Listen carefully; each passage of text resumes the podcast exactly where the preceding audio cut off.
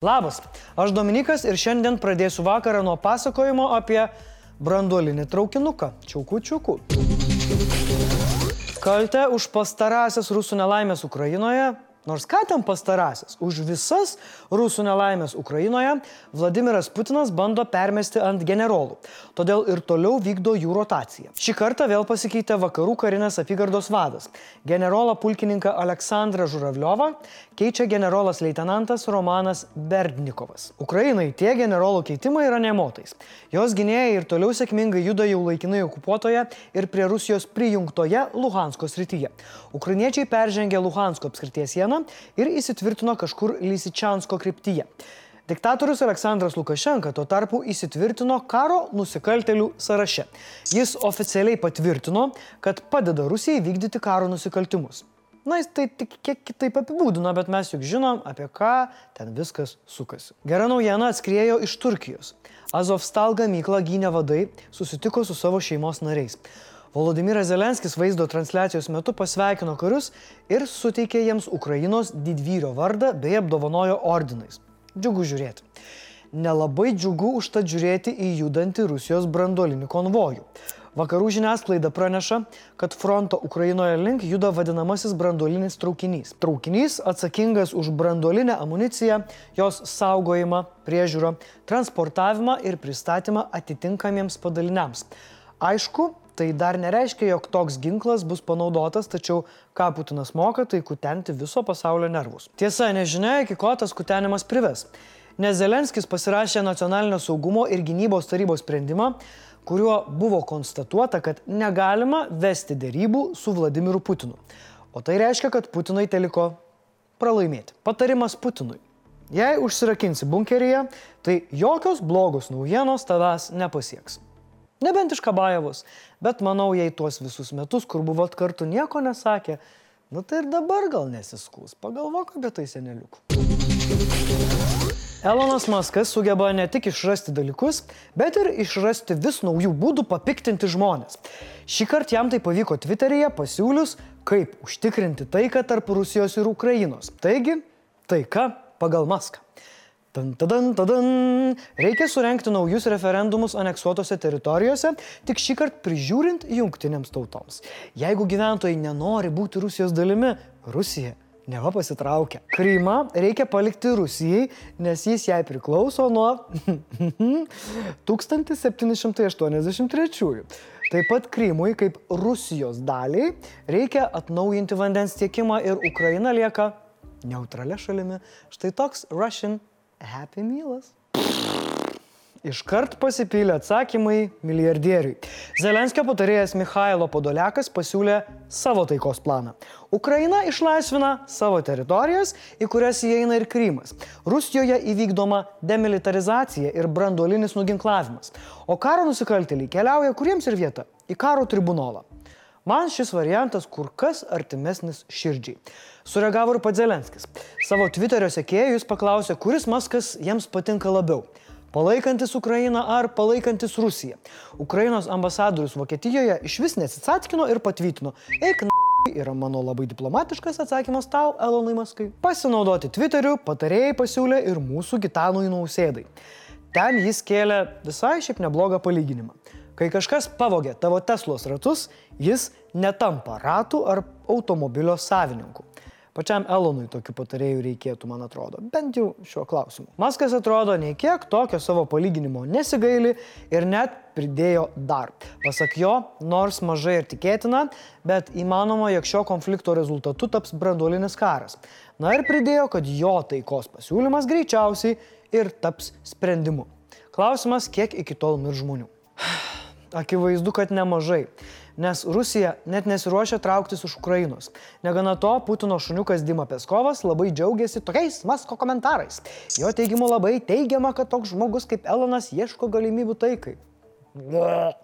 Aišku, galim, kiek norim rašyti jam blogus komentarus, bet manau, kad vis tiek turime būti dėkingi už Starlink sistemų tiekimą ukrainiečiams, kadangi turėdami interneto ryšį karo laukia, jie gali dar efektyviau deginti okupantus. Tai kaip ir ačiū Elonai, bet nu nebegerktų prieš tvytindamas Jėzus Marija. Šiaurės Korejai akivaizdžiai nepatinka, kad šiuo metu didžiausiu pasaulio blogiuku tapo fašistinė Rusija. Taigi, galbūt dar bukesnė Putino versija. Kim Jong-unas nusprendė pasipuikuoti turimą karinę techniką. Pchenjanas paleido vidutinio nuotolio balistinę raketą virš Japonijos teritorijos. Raketa nuskriejo maždaug 4600 km atstumą, apie 970 km aukštyje ir apytiksliai 17 machų greičiu. Tai naujas rekordas - ilgiausias Šiaurės Korejos raketos įveiktas atstumas, o aukštis gerokai aukščiau nei skrieja tarptautinė kosminė stotis. Nors skrydis buvo virš atmosferos, Japonijoje nedelsiant buvo aktyvuota prieš raketinio perspėjimo sistema. Aomoro prefektūros Honšių salos gyventojai buvo paraginti slėptis. Vakarų pasauliui labai nepatinka, ką išdarinėja Kim Jong-unas. Japonija jau įteikė oficialų protestą Šiaurės Korejai.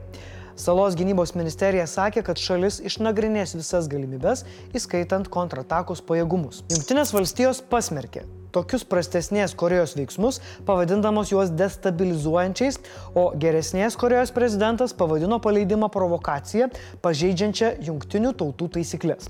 Reaguodamos Pietų Koreja kartu su JAV surengė tikslaus bombardavimo pratybas, kuriuose dalyvavo abiejų šalių naikintuvai šaudę į taikinius Geltonojoje jūroje.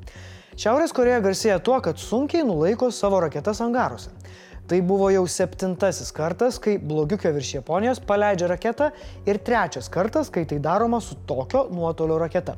Pastarai kartą tokias karinės bitkas Šiaurės Koreja išdarinėjo 2017 metais.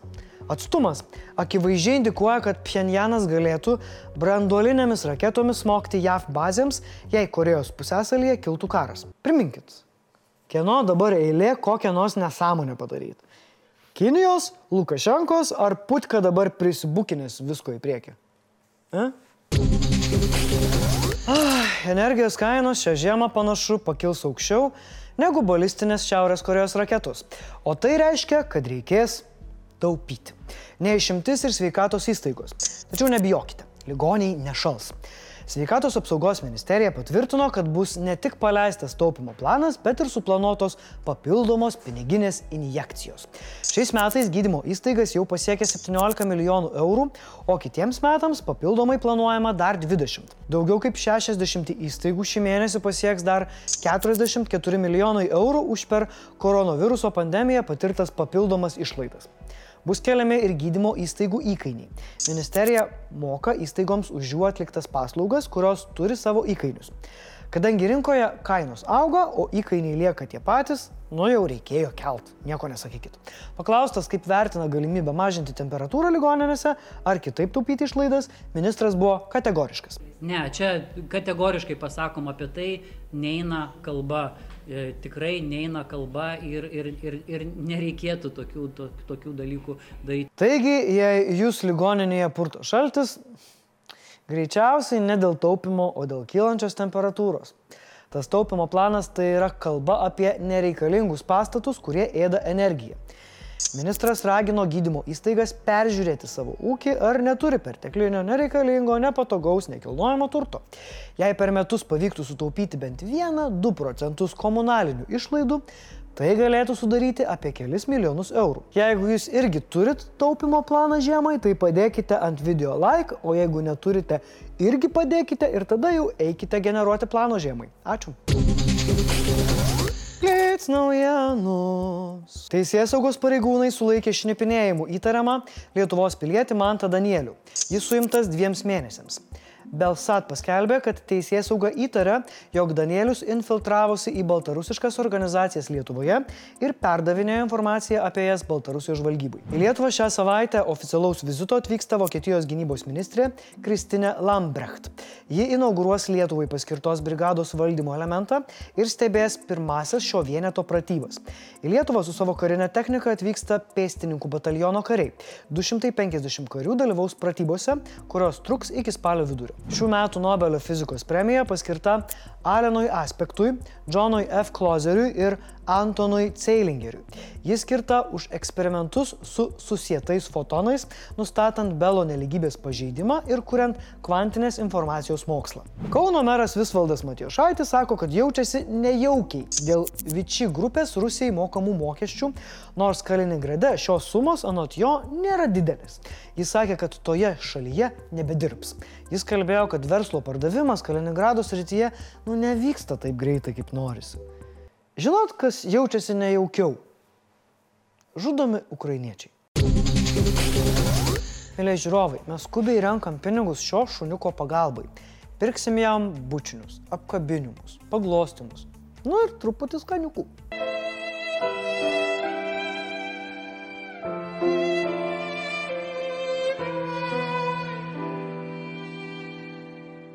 Ir prieš atsisveikinant, kaip visada, komentarų metas. Mendelėvo mūza apie mano kolegę žinias vedusią vakar pakomentavo taip. Žalios akis, žalias mėgstukas, žali nagučiai, širdutė, tik vedėja jau visai nebe žalia. Visiškai sutinku, gerbiama mūza, žalios ir eglės miške, o pas mus eglės yra fainos. Edvinas Sviderskis, kai rėžia, tai rėžia. Atseit, mūsų vedėjos yra karštos pupytės. Tiek buvusios, tiek esamos. Palaukit, tai kaip dėl manęs ir Timūro? Einam dabar, greit parašykit po komplimentą Timūrui, nes jisai, žinokit, keliauja, jam reikia palaikymo, kad būtų lygybė. Man irgi galit parašyti. Iki rytojaus. Tiek žinių.